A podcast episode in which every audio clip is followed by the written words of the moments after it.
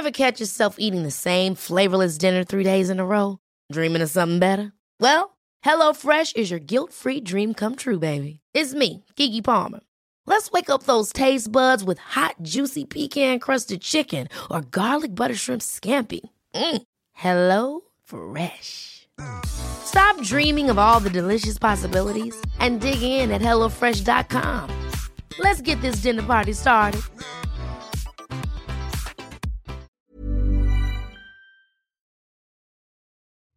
Den där, den här bruden som du håller på med, eller nyss. Prata inte för mycket nu. Det här är en podd. Ja. Kan vi klippa tillbaka? Ja, vi får klippa i början. Nöden har ingen lag. Avbryt inte. Hej! Stötta gärna oss på Swish. Nummer 123 535 4857. Ni kan också följa oss på Instagram och Facebook under Cyril och Stig. Välkomna till ett nytt avsnitt av podcasten Cyril och Stig i otakt med samtiden. Cyril, det är jag Cyril Hellman. Stig är författaren Stig Larsson. Podcasten produceras av Storyhood. Dagens gäst är entreprenören Kai Linna. Kai dömdes 42 år gammal år 2004 till livstids fängelse för rånmord i Kalmark utanför Piteå. Han ansåg sig hela tiden oskyldig och beviljades år 2016 resning och friades och släpptes året därpå. Han fick ett rekordstort skadestånd på 18 miljoner och bor idag på Kanarieöarna där han öppnat ett hotell. Han är nu aktuell med självbiografin Besökaren, mina 13 år bakom gallret, skriven ihop med författaren Theodor Lundgren. Välkomna till Kaj Linna, eller välkommen till friheten också skulle jag säga. Och välkommen hem till mig här på Kungsholmen, så till Kaj Linna som är aktuellt med eh, självbiografin med Ja. vår vän Theo Lundgren. En del av självbiografin i alla fall. Besökaren, mina 13 år bakom galler. Ja. Alltså jag har ju prisläst den och jag är väldigt... eh, hur ska jag säga? Jag, det är sällan jag blir liksom, du vet, eh, tagen på det sättet. Va? Eh, jag trodde fan mig inte att det gick att göra så här i Sverige. Eh, och sen så tänkte jag ju... Alltså det går inte att komma ifrån att hade det varit någon annan än du. Och du har- du har säkert tänkt den tanken. Mm, ja, ibland faktiskt. Så hur fan hade det gått då?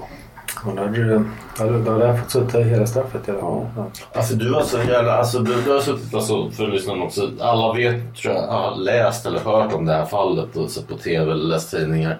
Du har suttit 13 år oskyldigt i fängelse. Och, och du åkte in 2004. 2004. Och redan, men samtidigt redan 2006 började DNs Stefan Lesinski granska fallet. Ja, ja. Och redan då borde det ha väckts hopp hos dig. ja, alltså det gjorde det ju med... För jag det, bara att få det här mediala stödet. Jag, jag vet att jag sökte aktivt medialt stöd. Ja. Och, och för min del så var det liksom Dagens Nyheter Ja. eller SVT. Ja. Ingenting annat duger liksom. Och sen, men det märker man som Stig sa, säger, du, eh, hade det varit någon annan du. För att du, det jävlas ju på något sätt att du blir lite rättshaveristisk mot. Du vet dina rättigheter och sådär. Och, och jag jobbar ju hela tiden också med folk i fängelset och på väg att slussas ut ur fängelset och, och skriver då med Leo Carmona och sådär. Men, men, så jag vet ju hur plitar håller på. Min Ja. kompis har inte fått in en skrivmaskin på ett och ett halvt år. Ja. Och, så, och de knallar honom ett, ett, två veckor innan vårt releaseparty och sådär. Så, så att jag, jag har ju fått, men nu när jag läser din så får jag ännu mer förståelse så förstår jag ännu mer förståelse hur, eh, hur det går till inne också. Ja. Och det måste vara ännu värre om man då också sitter där och inte ens känner att man har ett straff att förtjäna. Ja, alltså det är lättare att bli förbannad och det behövs. va. Det, det, alltså du måste ju ha ilska när du ska, Mm. när du ska fightas mot sådana här krafter. Det, det, alltså det där med att, att de håller på så här. Det är ju lite grann också att alla de här, inte alla, jag ska inte dra alla över en kam, men många, för många. De är lite kungar i sina egna småriken. Så. Ja, precis. De kan göra nästan Ja, jag, har fått, de vill. precis, jag, har upp, jag har fått uppfattningen att till exempel fängelsechefen på Skänningeanstalten var sån. Ja. Som knallade Leo en vecka innan vår releaseparty. Just för att Leo hade blivit för vän med plitan. I vanliga fall brukar det vara tvärtom. Han hade gett två böcker. Så att de ville bara hitta en anledning. Men, men, men också för att förklara för lyssnarna. Alltså fallet det här. Det, det, det som, som du dömdes för. Det var ett mord på där, två bröder. En blev väldigt skadad och en dödades, eller hur? Exakt. Och, eh, eh, ja, och du blev... Eh, alltså du var i Amsterdam när det här... På jobb eller? När, när... Ja, jag var på jobb, jag var på väg till England och eh, nej, men alltså, jag läste ju i, i tidningarna, alltså på nätet. Mm. Redan på den tiden kunde man göra det. Och hela historien rullade upp. Liksom, jag blev lite fascinerad för jag kände ju till de här bröderna. Jag har ju varit och hälsat på dem en sex år tidigare och sålt ett kassaskåp åt dem. Så. Hade du varit i hemmet med, Ja. med dem och, och sånt? Ja, några år. Ja. Men eh, ju mer texten rullar på, ju mer börjar jag liksom känna liksom, någon sorts orokänsla och Ja. mådde, mådde nästan illa för det var mig de pratade om. Va? Det var jag som var den där som hade gjort det. Va?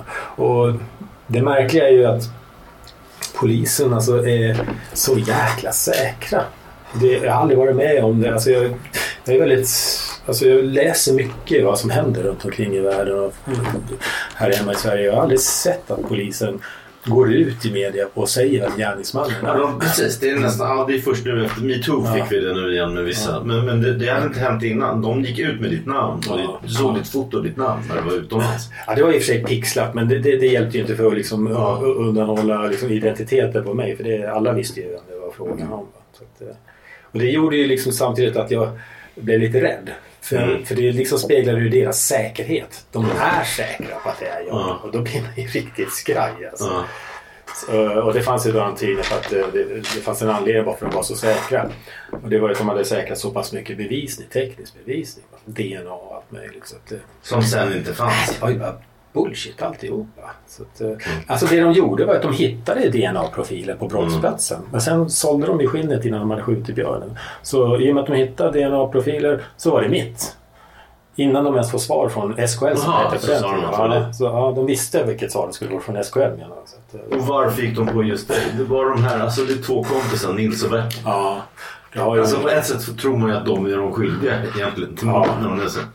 Ja, alltså åtminstone Nils är ju definitivt på något sätt medveten om eh, eh, vem som ligger bakom det. För han har ju såna, eh, sån kännedom om brottsplatsen. Som, Kände du de två? jag känner dem båda två. Ja. Ja. Nära vänner? Nej, det, nej, det ska jag inte påstå. Jag eh, bodde ju uppe i Luleå då och eh, det är en sån här lagom liten storstad så att det blir lite alla känner alla. Mm. Och, eh, ja, de, de, de, de, jag sysslar ju med försäljning. Sysslar, vi träffades alltid med vet, V75 och pokerafton och sådär. Så Mm. det var ett väldigt löst gäng. Alltså jag känner igen mig för att min farsa jobbade ju som försäljare. Han var först byggjobbare och sen när han var 39 fick han möjlighet att eh, sälja lek, eh, försäljare av leksaker. Ja, Och tuggummi, automater och grejer. Och alltså när jag läser det där så känner jag igen mig i hur det var för honom. Man tog in nya produkter, man fick tips från andra säljare. Man var konkurrenter men ändå inte. Ja. Man behövde de här tipsen och gav andra tips. Och alltså ibland så, det var en väldigt lustig grej. Det var att en av mina kompisar visade sig vara kompis med farsan. Ja, ja. alltså i flera år innan vi visste om det. Eh, och de brukade lägga då att de sågs i Sundsvall något sånt där. Va? Farsan hade hela Norrland som ja. Arvsfält. va. Så att det, och det var ju så han tog in vad som rymdes i en, i en lastbil. Va? I en sån här Ford-bil. Va? Så han hade ju bickpennor, bicktänder, allt möjligt skit. Va? Så det gick att sälja. Eh, och, och det är klart, det blev ju vinst och det var ju liksom inte illegalt men det var ju så här, du vet, på gränsen. Ja. Nej men det var det så. Vi, vi, vi låg ju ute mycket. Vi var ju alltså Haparanda och Kiruna och Ja. nere i Sundsvall. Så, så vi låg ju över på hotell och var på säljresa det. Och eh, det var ju så, gjorde man inbyten eh, då sålde man ju det man hade bytt in svart. Det, det, var, viktigt. alltså det står jag för. Ja, lite halvtjej Ja, det står det Mm. vilken dag som helst i veckan. Men eh, så var det ju. Mm. Om inte annat så pröjsade bensin. Och de här Nils och Bertil var också med i samma säljteam? Nej, inte, inte, inte samma tid, men alltså vi hade eh, jobbat till exempel med dammsugarförsäljning allihopa, fast i olika, Ja, olika in, inte samma Okej. tidsepoker, men vi kom från samma skola på det viset. Och det var ju någon som kändes utav dem lite pundish eller han hade åkt upp för att köpa droger och... Ja, och, ja, och, ja, då, det, det, särskilt på Nils så fanns det sånt i bilden också.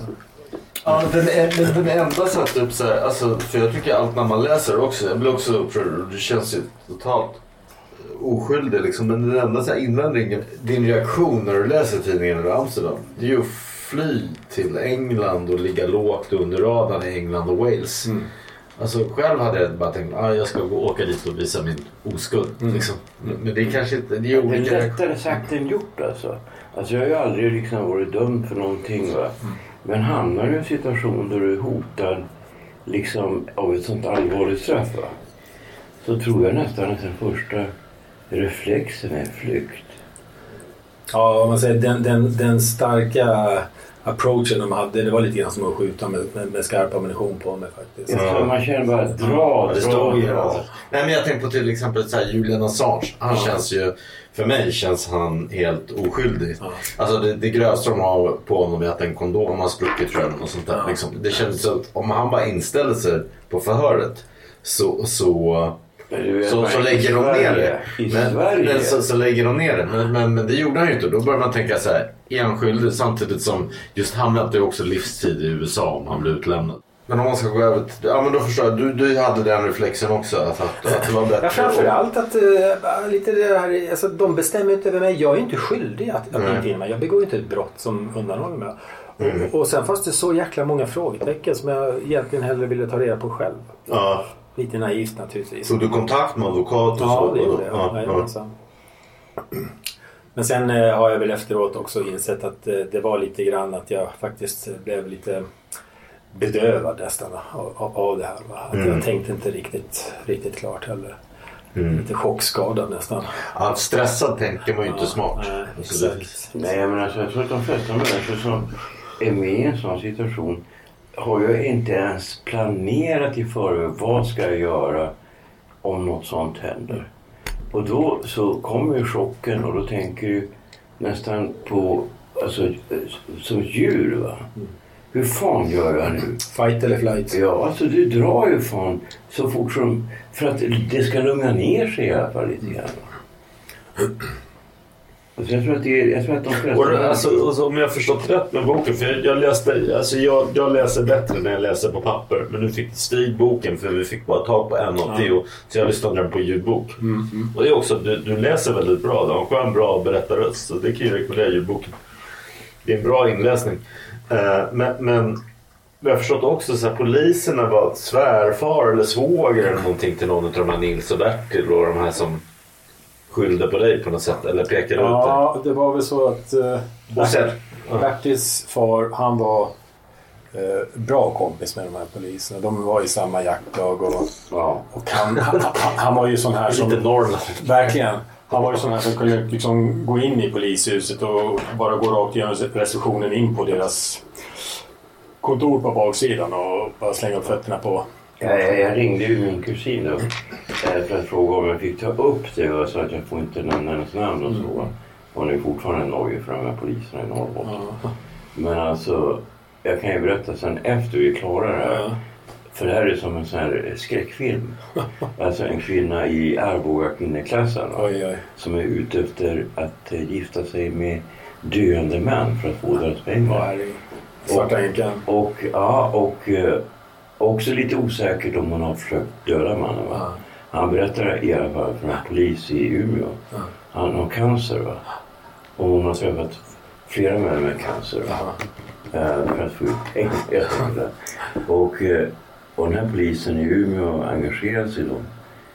För han tycker att det här är så förjävligt. Va? Han är rädd för den här kvinnan. Va? Och hon försöker gifta sig med honom. Men tack och lov så funkar det inte för han är så... Alltså när de ska gifta sig så är han så jävla dåligt skick va. Så han får inte fram några ord. Men Stig, vad har det med det här att göra? Jo men alltså det är samma jävla poliser. Det är samma år. Det är samma, det är samma, det, det är samma år, det är samma liksom Norrbotten i Luleå va. Vi kan, gå, vi kan gå några årtionden tillbaka. Då sprängde de ju en hel redaktion i luften och dödade lite folk. Vilka? Poliserna i Luleå. Oj. Ja, Röda Flamman, det har ni inte hört talas om? Nej. Jajamensan, i Luleå. Men Flamman, jag har ju kompisar på Flamman. Jaha, det är så alltså. Ja, det var för är väldigt De är otäcka som Men det här är väl fan. på 40-talet tror jag. Ja, men ändå. okej, det- men ändå. Ja.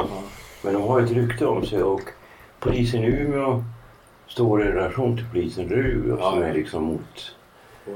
mot varandra därför att de uppfattar dem som jävligt korrupta. Och det här har det länge så. va. Vilket skulle det vara den korrupta? Alltså Luleå. Okej. Och eh, det här var ju då samma år, eller året efter det här hände. Mm. Ja, men det kan jag skriva under på att de är korrupta. Det, det är ingen snack om den saken. De, de hittade ju ett, ett, ett DNA-spår. Ja. Och så tyckte de ju det var jättekul. Mm. Och skickade ner den till, det kanske var den de gick ut i tidningen sa att det var mitt då, men de skickade ner den till SKL då. Alltså det var DNA-spår men det är inte säkert att det var dit. Det var inte dit. Nej, de visste inte det då, men då utgick de ifrån att de mitt. Men sen Ja. fick de ju svar från SKL. Hur fan kan man utgå från något man inte har kollat? Det låter helt vansinnigt. Ja, det låter inte sådär proffsigt. Men sen när svaret kom från SKL att eh, det var inte mitt Ja. DNA. Eh, Då, var Helt det, jävla sjukt. då var det ja, då var Ja, det alltså, det är en mardröm när man läser ditt, att Ja. det du har utsatts för. ja, men då var det alltså frågan om en okänd man som har befunnit sig på platsen. Det kan ju vara vem som helst, en skidåkare. Alltså, ja, ja, men, nu- ja, men den låg på en sån plats att det var nog ingen skidåkare de frågade. Nej, det var ett liknande mord också. Så det är, någon, det är ju alltid när det blir sådana här fall. Det är ju någon som är oskyldig eller skyldig då som Ja. slipper. Ja, men alltså det är ett snus och det är, liksom, det är snö. Så men hittar man snus på snön då är det relativt färskt också. Ja. Så att den personen hade lämnat det snuset där i ganska nära anslutning till brottet. Men det, det, det, det konstiga, det man ska säga, när man pratar just om, om korrupta poliser, det är det att då sitter de alltså eh, i sitt kontor då, de här poliserna och åklagaren och så diskuterar de vad de ska göra med det här spåret. Och så kommer de överens, äh, vi gömmer undan det. Ja, och precis det Ja, tänkte jag också ja. på när- jag lyssnade på boken. Att, att åklagaren, Ja. att till och med åklagare är inblandad och, och jag, eh, lägga undan bevis. I Stockholm har vi ju Tage Åström som har till och med blivit tv-stjärna i Filip och Fredrik. Han har liksom, tyska polisen har informerat svenska på avlyssningar att han har placerat knark på mina kompisars restaurang. Ja. Ändå liksom kommer han undan. Men han fick välja mellan fängelse eller att gå frivilligt. Men han slapp undan fängelse. De, han, han slapp anmälan. Och så. Ja, de, de blev ju polisanmälda av en annan åklagare nu, nu när det här uppdagades. Men sen fortsätter ju alltså den här korrupta kårandan, måste jag säga. För att sådana ärenden sköts ju av eh, interna utredningen nere i Malmö. Och eh, det de såg med i Malmö... Men utreder de åklagaren De utreder också? För här åklagaren. ska ju åklagaren också de, utredas. De utreder honom, de kallar ner honom på förhör. Och han begär då först och främst han vill ha ett intyg, på, ett skriftligt intyg som han får på att eh, om det här förhöret visar sig att han ska bli misstänkt för brott så ska det omedelbart avbrytas. Han får ett intyg på att det ska avbrytas. Men eh, de här åklagarna som utreder det här, de ser att ett halvår bort så är det här preskriberat. Och det de gör är att de förhalar utredningen ända fram till preskriptionstiden genom att hela tiden byta ut handläggande åklagare. Fem gånger gjorde de det under resans gång. Sen när det hade gått en vecka över preskriptionstiden, då var de klara med utredningen. Okej. Och då var det preskriberat. Ja. Det är helt sjukt. Det är... Jag Och kan de andra åklagarna gjorde inte heller. Sen eh, eh, normalt så är det så här om det är ett brott som, som ska liksom... Mm. Det är bråttom, det ska preskriberas. Men då lägger de i turbon. Ja. Här la de i backväxeln istället. Precis. Men det som jag tycker är mest konstigt, det är, för jag uppfattar inte att alla poliser i Sverige är Nej, korrupta. absolut inte. Alltså varför reagerar inte poliser centralt i Stockholm på det här? Nej men sen är alltså på chefsnivå har du ju korrupt. Alltså Leo som jag skriver med till exempel. Han har ju, okej, det är, han, han, har, han, han har inte gått ut och erkänt det direkt men indirekt. Han, han har väl gjort anstiftan till mord. Men däremot var han eh, var den som turken som försvann. Han stod under eh, rättsskydd eller vittnesskydd. Eh, polisen avlyssnade allas telefoner, både svenska och finska polisen. Så att de hade kunnat förhindra det här mordet. Men de ville ha självsanering, få in så många för att de var så irriterade på att Leo hade kommit undan med Arlanda. Så att eh, de ville att alla skulle döda varandra. Aha. Och eh, nu sitter finska polischefen faktiskt häktad Ja. för inblandning i mordet för att han lät, lät det ske. Men det var även svenska polisen. Så, så, så där fungerar det även på, på chefsnivå. Ja, skillnaden är väl på finska sidan så sitter de åtminstone häktade.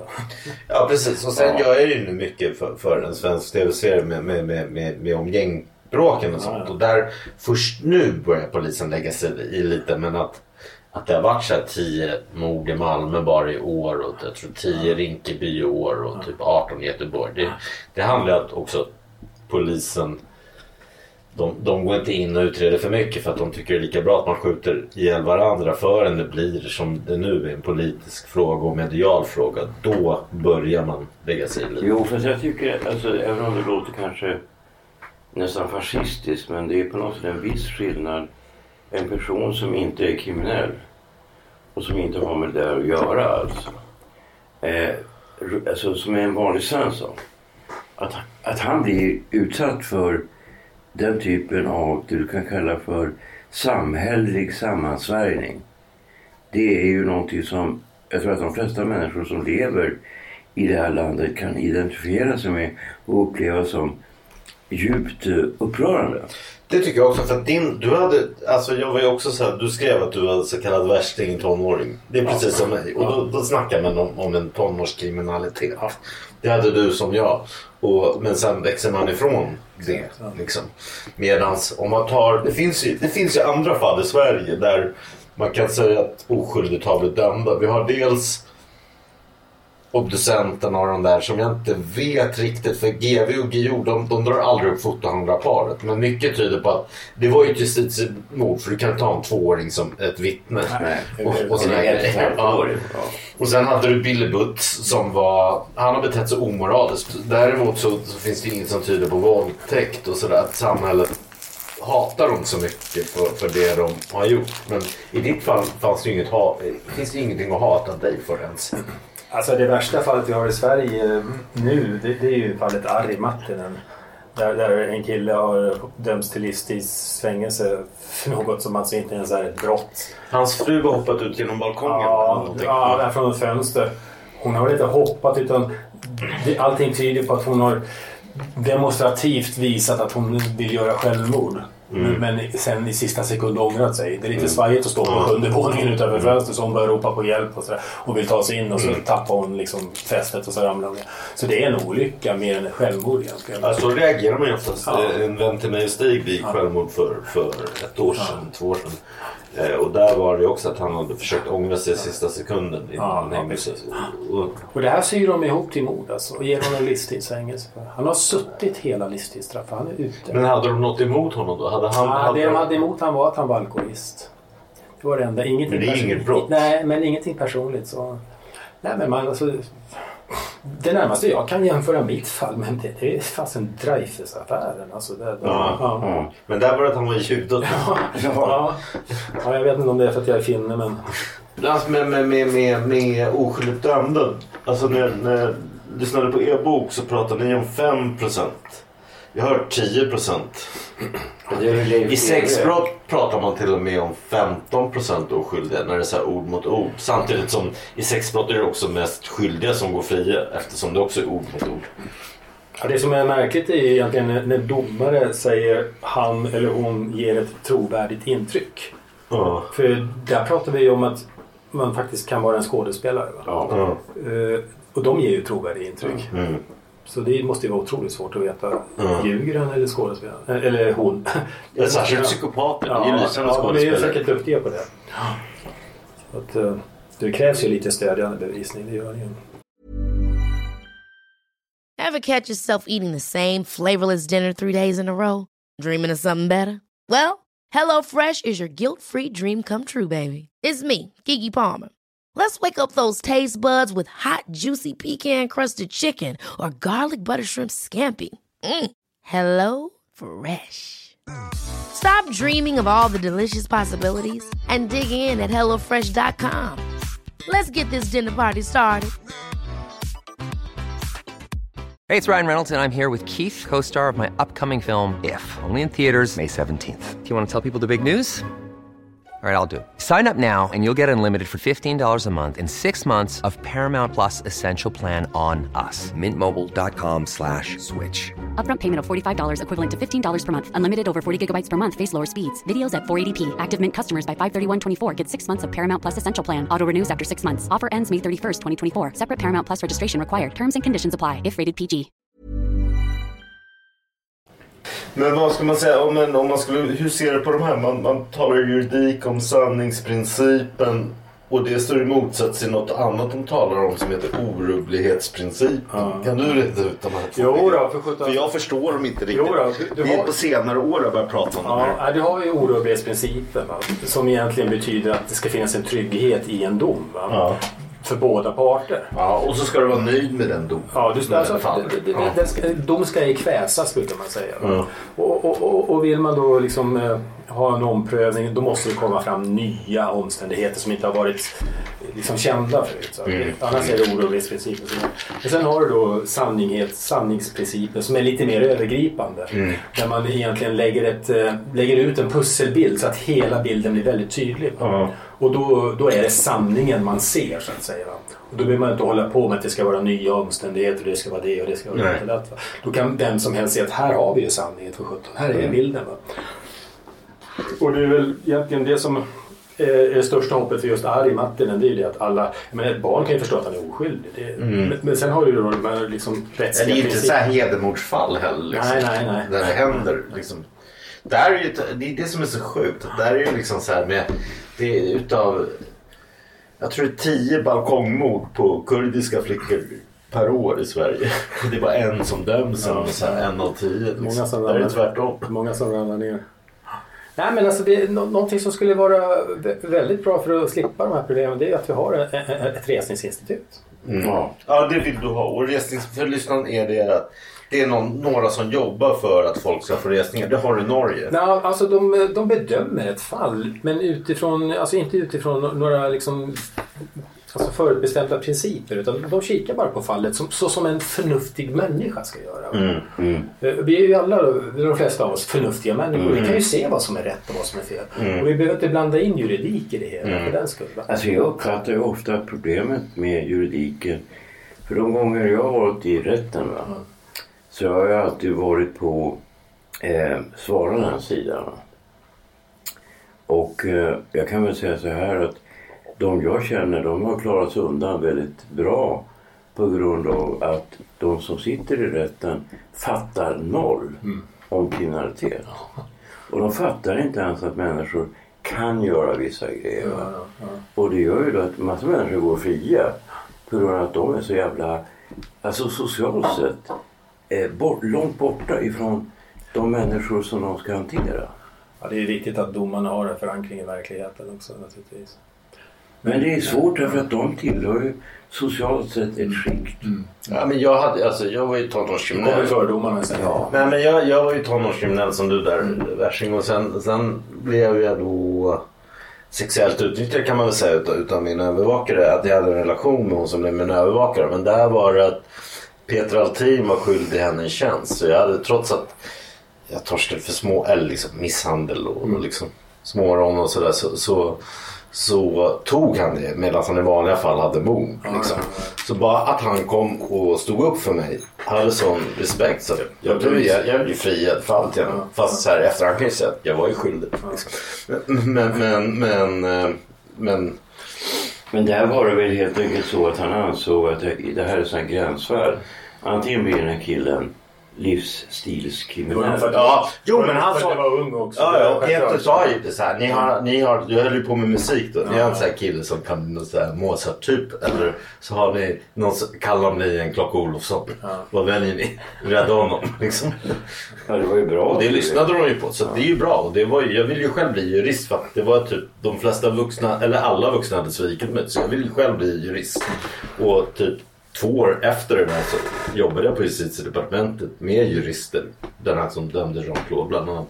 Eh, och Göran Lamberts och, och, och Stefan Strömberg säger på chefen och sånt. Men då tyckte alla jurister var så tråkiga så då, då övergav jag den banan. Men jag, jag var inställd på att bli det. Så att jag, jag kan ju mycket i juridik. Ja, men, men, men, nej, men det, det är ju ett problem det där att alla som du säger att han, de dömer ut honom för att han skulle vara alkoholist. Det låter ju helt Ja, sjukt. det, det är första det jag är övertygad om. Hade han inte varit alkoholist så hade han inte blivit det. Nej. Det var, det var mycket fördomsfull dom, Mm. helt klart. Men eh, om man återknyter till det här med resningsinstitut eller o- oberoende resningsinstitut. I Norge har de det. Va? Och de har väl ungefär halva vår befolkning. De beviljar alltså uppåt 400 resningar per år. Oj! Och vad har vi i Sverige? En eller två på sin höjd va? Mm. Det skulle alltså motsvara 800 i, i Sverige. Men det betyder ju inte att 400 fångar kommer ut ur fängelset per år. Utan det betyder bara att de får sin sak prövad en gång till. Va? En del frias, en del får väl till och med hårdare straff. Ja. Så att det, Och i Norge har de generellt sett hårdare straff än i Sverige. Ja, jag har fått några brev från fångar i Norge. De längtar tillbaka till Sverige. Ja, Nej men det är också alltså, som, alltså under, för om det, som vi började ta upp i podden, eh, om din tid i fängelse. För att även en, en person som är skyldig blir ju, om den sitter på så här långa straff blir vad man kallar kåkskadad. Ja, liksom. Medan min kompis Leo tror jag klarat sig just med att han var så kreativ med kartellen och vår bok och att han har humor och sånt överlevde. Men hur överlevde du? Du läste böcker och spelade tv-spel med, och, Och, och, satte dig och in i fysisk träning. Ja. Ja. Men, eh, ja, nej, men alltså det, det handlar ju väldigt mycket om vilken personlighet man är. Ja. Alltså, Men du tog ju inte ens, du tog inte ens permission. Nej. Du vägrade. Ja, ja. Och du vägrade ge pissprov Ja. och allting fast du inte var narkoman. Från dag ett alltså. Ja. Ja, men jag tror att det handlar väldigt mycket om inställning. Jag, har, jag bor på lilla scen och på grund av det har jag då råkat träffa en del människor som har suttit väldigt, väldigt länge. 25 år och i Clark Olofssons fall eh, handlar det nu om när, över 50 år. Va? Och de eh, beskriver det som att du tar ett beslut va? ganska tidigt hur du ska överleva. Och då handlar det mer om att du ska liksom stänga av sociala kontakter, studera och liksom gå in Han brukar ju sätta sig på Isol. Klart. Ja, ja, rakt av. Ja, ja. Och sen hålla på och studera och ungefär som en munk. ja men det gjorde ju Svartenbrandt också. Han läste mycket buddhism och sådär. Jag hade ju kontakt med honom de sista åren. Och är med i dokumentären om honom. Ja, men de, de liksom säger att för att om du går in i det där va, så är det så jävla stor risk att du hamnar i den kriminella världen på liksom oschyssta villkor. Det är ju så att både den här Janne Högström som jag känner och Clark Olofsson och en, en snubbe som jag också känner som har suttit i, vad blir det nu, 13 plus 14, 27 år. Va? Ah, Jonas Bergström. Han, eh, han valde ju också det att istället isolera sig och plugga. För han ville, han sa att det farligaste det är att du går, du, du går ner det va. Och eh, till slut så tänker du på det sättet. Ja. Hur, hur, hur, hur var det att sitta med, alltså du beskriver när du sitter och Nej, spelar risk med, med, med, med, eh, Helge Fossmo och Lasermannen. Alltså, Och, och, och den där pappan som dödade Fadim. Och Jack- ja. Alltså för mig, alltså, jag jobbar ju också med just nu och rehabilitera kriminella. Mm, Och, för mig är det noga med att, att, att man, och det säger jag till dem också, jag dömer jag kan döma er och ni ska också döma ut era handlingar. Ja, men jag dömer inga personer. Jag vet, men men just vad de här personerna vi näm- jag nämnde nyss. Det är ju lite, de är ju lite extrema om man säger så. Alltså Det först, känns ju inte som personer man vill sitta första natten de låste in mig på, i, cellen där på E-huset.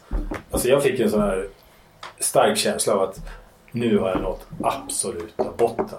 Nu kan det bara gå upp. Nu kan det bara bli bättre. Ja, faktiskt. Nej men alltså. Men du kom överens med dem då? Och så. Hur var de att sitta då? Hur, vad skulle du säga? Alltså du behöver inte gå in på dem hur de var som person. Men bara sitta där med dem. Ja, Alltså det, Känner man obehag eller hade man trevligt? ja, generellt trevligt för att det, vi sitter några killar runt ett bord. Det är det som gäller va. Ja, men det, sa Kim också. Ja. Han, sa, du, han satt ju då med Haga, eh, nej vad heter det, den snubben Södermannen. Mm. Han sa, det Södermannen gjorde var ju fullständigt förjävligt. Mm. Han våldtog ju Farstad. Han våldtog då upp mot 30 brudar. Shit. Uh, men det var en jävligt trevlig kille och vad fan ska jag göra? Alltså det är inte så mycket att välja på i ett sånt Nej, nej, läge. Och vi hade mycket gemensamt så vi, vi snackade med varandra. Jag avskydde det han gjorde va. Mm. Men jag kan inte avsky honom som person. Nej, Det är en jävla skillnad. Va? Ja. Och det blir så. Man påtvingas i sällskapet. Men... Ja, Och Laserman han verkar, han verkar tyckt att hans problem var inte med invandrare. Det var att han hade spelproblem. Han bara sköt invandrare för att få villa bort snuten. Ja, han, han körde det racet där ett tag. Jag läste någon artikel några år senare. Då, då gjorde han en riktig knäböjare. Så att han har väl ändrat inställning nu. Men Ja. Nej, du vet det bisarra. Vi har en annan en poddgäst eh, som är 100, fyller 107 nu. Och eh, hon eh, var ju granne med mamman till eh, Laserman. Ja, ja. Han bodde ju då mitt emot mig va? på Västringen, det visste inte jag om. Och hon sa ja, det var ju egendomligt. Hon pra- pratar finlandssvenska. Eh, det är en artig eh, ung man och håller alltid upp dörren. Och sen börjar han skjuta folk. Så konstigt, jag förstår ingenting. Men hur såg de det där? De trodde inte att du var oskyldig först? Började de se dig som oskyldig också sen? Ja, men alltså mer och mer så... Jag var ju... Jag vet inte... Liksom, min inställning ändrades inte på något Ja. sätt. Så att, eh, oftast är det så att om det kommer någon och så säger jag är oskyldig. Ganska snabbt så viker han bort det. Där, det Ja. Jag kommer ihåg eh, Helge Fossman hade ju den inställningen. Han var ju så jäkla oskyldig. Ja. Han ville att vi skulle bilda en förening han och jag oskyldigt dömda. Jag läste det. Ja. Men jag kände liksom att då tappade nog jag lite liksom trovärdighet. Så, så jag var inte så intresserad av det. Men sen gick han ju, tog han tillbaka. Nu, nu står han ju för det. Så att, eh, ja. Men inte allt. Han, han mördade väl antagligen sin första fru också. Ja. ja, det, Mm. ja, det kan man ju diskutera för sig. Det, jag har ju aldrig liksom ställts till svar. Nej, det precis. Nej, men hon dog mot en... Ramlade i badkaret. Ja. Ja, ja. 25 år gammal. Ja.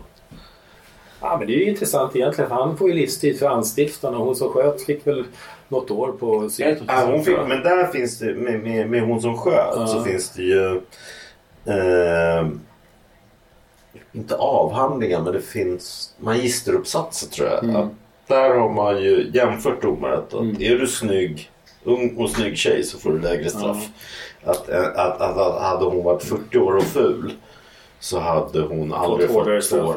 han är lite alkoholiserad också. och jag har en kompis kompis som satt med henne på rättspsyk. Och han sa att den här snubben hade åkt fast för att han hade under en psykos gjort inbrott med en yxa i en villa och satt och spelade gitarr när paret kom hem Oj, oj, oj. med yxan där. Sen är han så snäll så han skulle ju aldrig gjort något. Men, men ni hör ju hur galet det låter så det är klart man åker in på rättspsyk. Ja, ja. Men däremot så han då att det där var den galnaste personen han hade Så, träffat. oj, Den där det Helge Fossmans tjej. Så att hon var inte heller helt normal. Nej. Två år, hon hade nog behövt längre än två år. Ja, men hon satt aldrig i fängelse. Ja, och sen Nej. på psyket. Hon satt på psyk. Ja. Ja. Nej, men alltså det är samma sak. Jag tycker att det är skumt den här domen. Du vet Åmselemorden va? Ja, ja. För när jag läste om det här så är det så jävla konstigt. Nu har det ju att göra med att jag är då dramatiker och jag kan försöka sätta mig in i människor. Joa Valjakalja.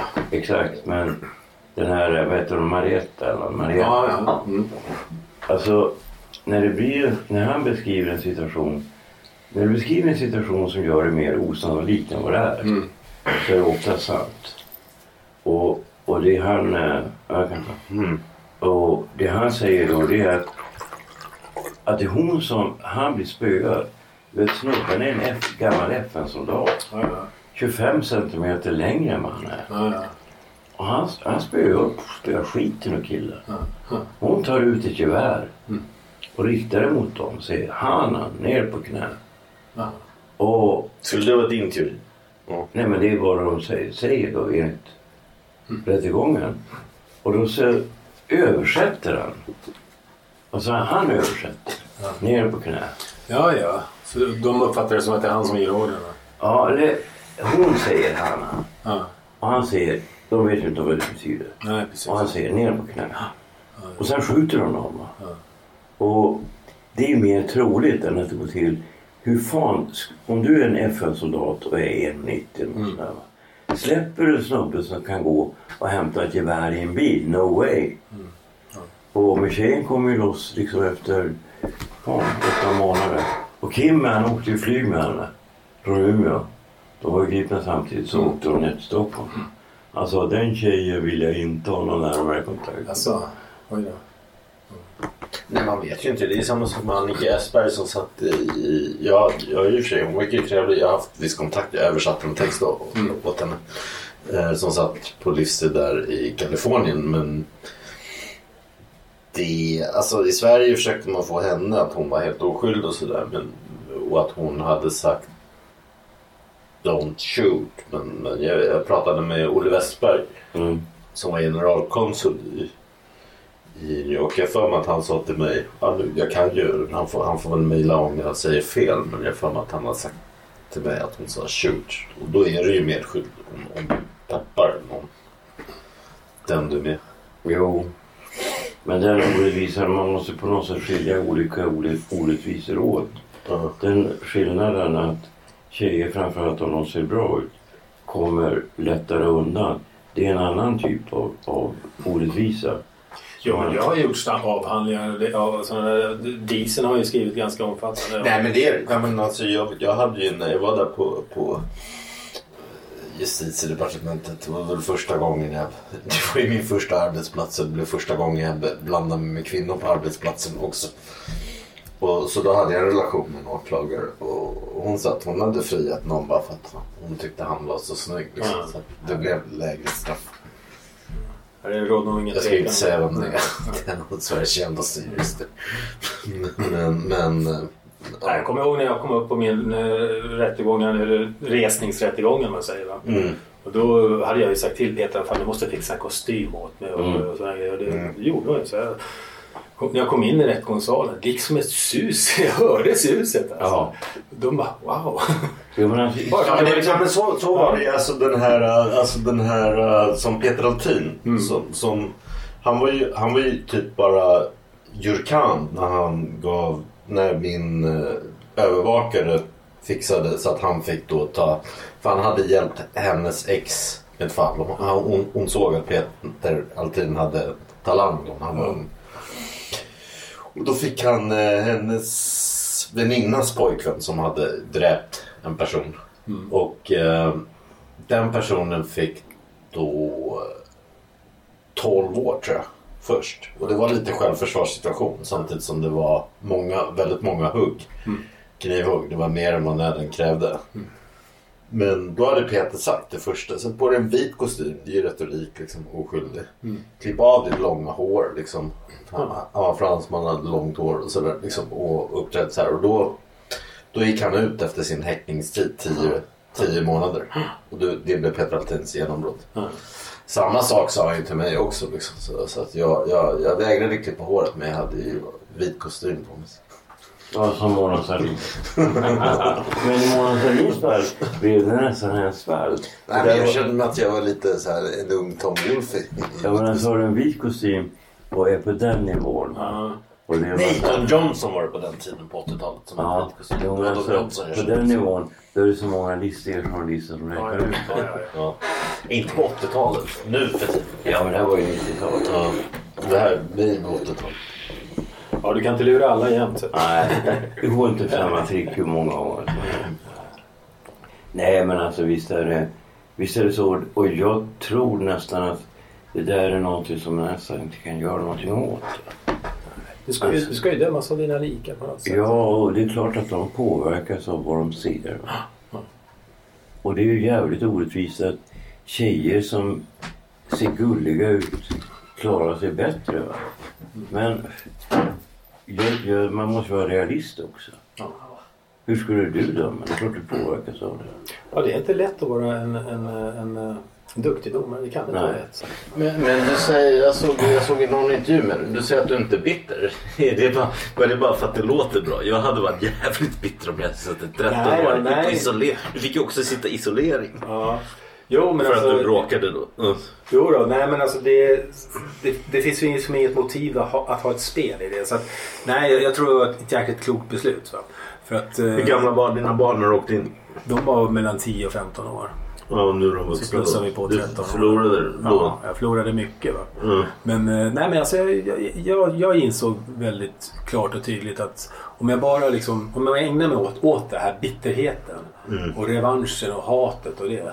Då kommer det att begrava mig. Ja, men det är ju Då kommer jag ingenstans. Jag kommer bara liksom förstöra mitt eget liv. Jag kommer förslösa bort mer av den. Alltså, Jo men det är sånt som Jag jag, säger till slösa folk. bort mer av mitt liv. och folk har sagt Ja. till mig också. Jag har också anledning. Ja. Men inte som dig. Ja. Ja. lite grann också liksom att nu har jag slösat bort så mycket av mitt liv. Mm. Så tänker jag inte slösa det, bort det, en det, det, sekund är lite lustigt den här, den här historien du beskriver Ja. med Peter Elk. Va? Ja, ja. Alltså, för det är ju nästan som om den handlar om det här ödet. Va? Ja, lite grann. Och jag, alltså när jag läste det här så tänkte jag så här. Fan, du måste göra någonting av det här. Ja. Och jag tänkte lite, vi kan väl ta det kanske efter podden. För jag tycker ju då att det, det, ligger, det ligger så mycket konstnärlig eh, energi i, i idén. Ja. Att det, det bör ju göras en film på det här. Va? Vi har kommit så jättelångt in så att vi kommer ut med första boken redan nästa år. Ja, Det, det, är en ganska intressant eh, historia bakom historien. Därför att jag satt ju i en isoleringscell. Mm. Och problemet i en isoleringscell är liksom, vad fan ska man göra? När man har räknat tv-stenarna, vad ska man göra sen? Liksom? Eh, Så, så då gick jag liksom in i huvudet istället. Ja. Ja. Och, och, liksom, och jag har alltid varit väldigt intresserad av samhälle och historia och, Mm. och, och liksom tänk, börja tänka lite på massa olika Mm. sådana här historiska händelser, vetenskapliga Mm. rön och historiska personer. Och, till slut liksom såg jag liksom, och alla de här, Mm. hur de liksom band samman till en enda historia. Mm. Och det, det fascinerar mig väldigt mycket. Ja, nej, men vi får, vi får verkligen önska lycka till. Men jag tror att vi är uppe i tiden. Innan vi slutar vill jag också göra reklam för några grejer. Först att vi ska ha en skrivkurs, eh, ny, här under hösten, varannan vecka från och med februari i Studiefrämjandets regi. Det är antingen gå in på deras hemsida eller beställ deras katalog för att anmäla er. Och den har väl gått bra hittills, den vi hade i jag höst. kom på en idé nu. Vi borde snacka med våra elever och gör, att de gör reklam för oss. Ja, men det kan vi ta sen. Ja, Eh, Är det juridiskt korrekt eller? Ja, det är det. ja. Men du menar att de alla är nöjda eller? Ja, det ser jag. Det är min uppfattning. Ja, och jag tycker alla har, det var en hög nivå redan när de kom, men det behöver man inte vara rädd för heller. Vi tar in alla. Men de har utvecklats väldigt bra, tycker jag. Ja, men är ni, rikt, är ni riktigt dåliga så kommer ni få höra det också. Ja, Stig är alltid ärlig, för ärlig, det vet vi. Eh, jag vill också, jag vill också göra re- reklam för att för vår fest då som man kan komma in till. Som kommer vara på eh, Sankt eller Eriksbergs catering på, på Östermalm. Eh, om ni inte har fått, ni som har skickat in något svar och verkligen vill komma på den här och, och så, så så är det för att det kanske krockar med julborden. Så att det kan bli i slutet av januari. För att eh, det ser ut som jag åker till Zambia eller Kina på jobb.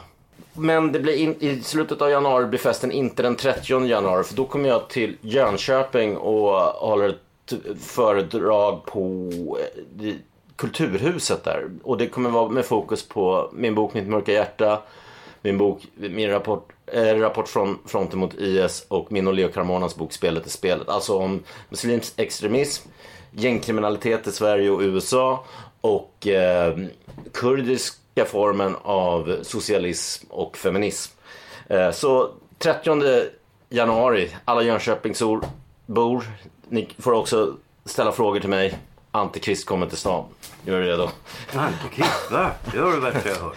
Och i, och i Café Magasin eh, i november och december. Eh, då har jag också ett 20 sidor lång, långt reportage om derbyt mellan AIK och Hammarby som gick här i, under hösten och eh, deras huliganfirmor. Plus ytterligare en grej, det, det är mycket Cyril Hellman här nu. Daniel Fredells dokumentär om Svartenbrandt i tre delar eh, kommer upp i, här i dagarna på Simor kanal. Den kommer också senare under våren i eh, TV4. Och där medverkar jag bland annat och pratar om psykopati och lite annat som har med Svartenbrandt och kriminalitet att göra. Tack. Mejla till Cyril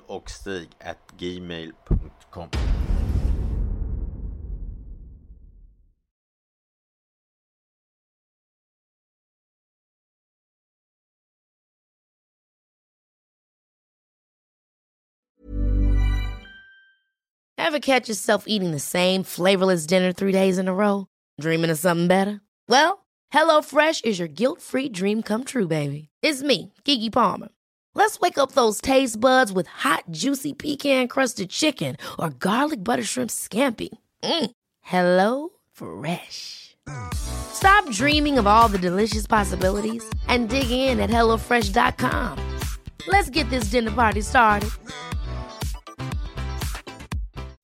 When you make decisions for your company, you look for the no brainers. If you have a lot of mailing to do, stamps.com is the ultimate no brainer. Use the Stamps.com mobile app to mail everything you need to keep your business running with up to 89% off USPS and UPS. Make the same no brainer decision as over 1 million other businesses with Stamps.com. Use code PROGRAM for a special offer. That's Stamps.com code PROGRAM.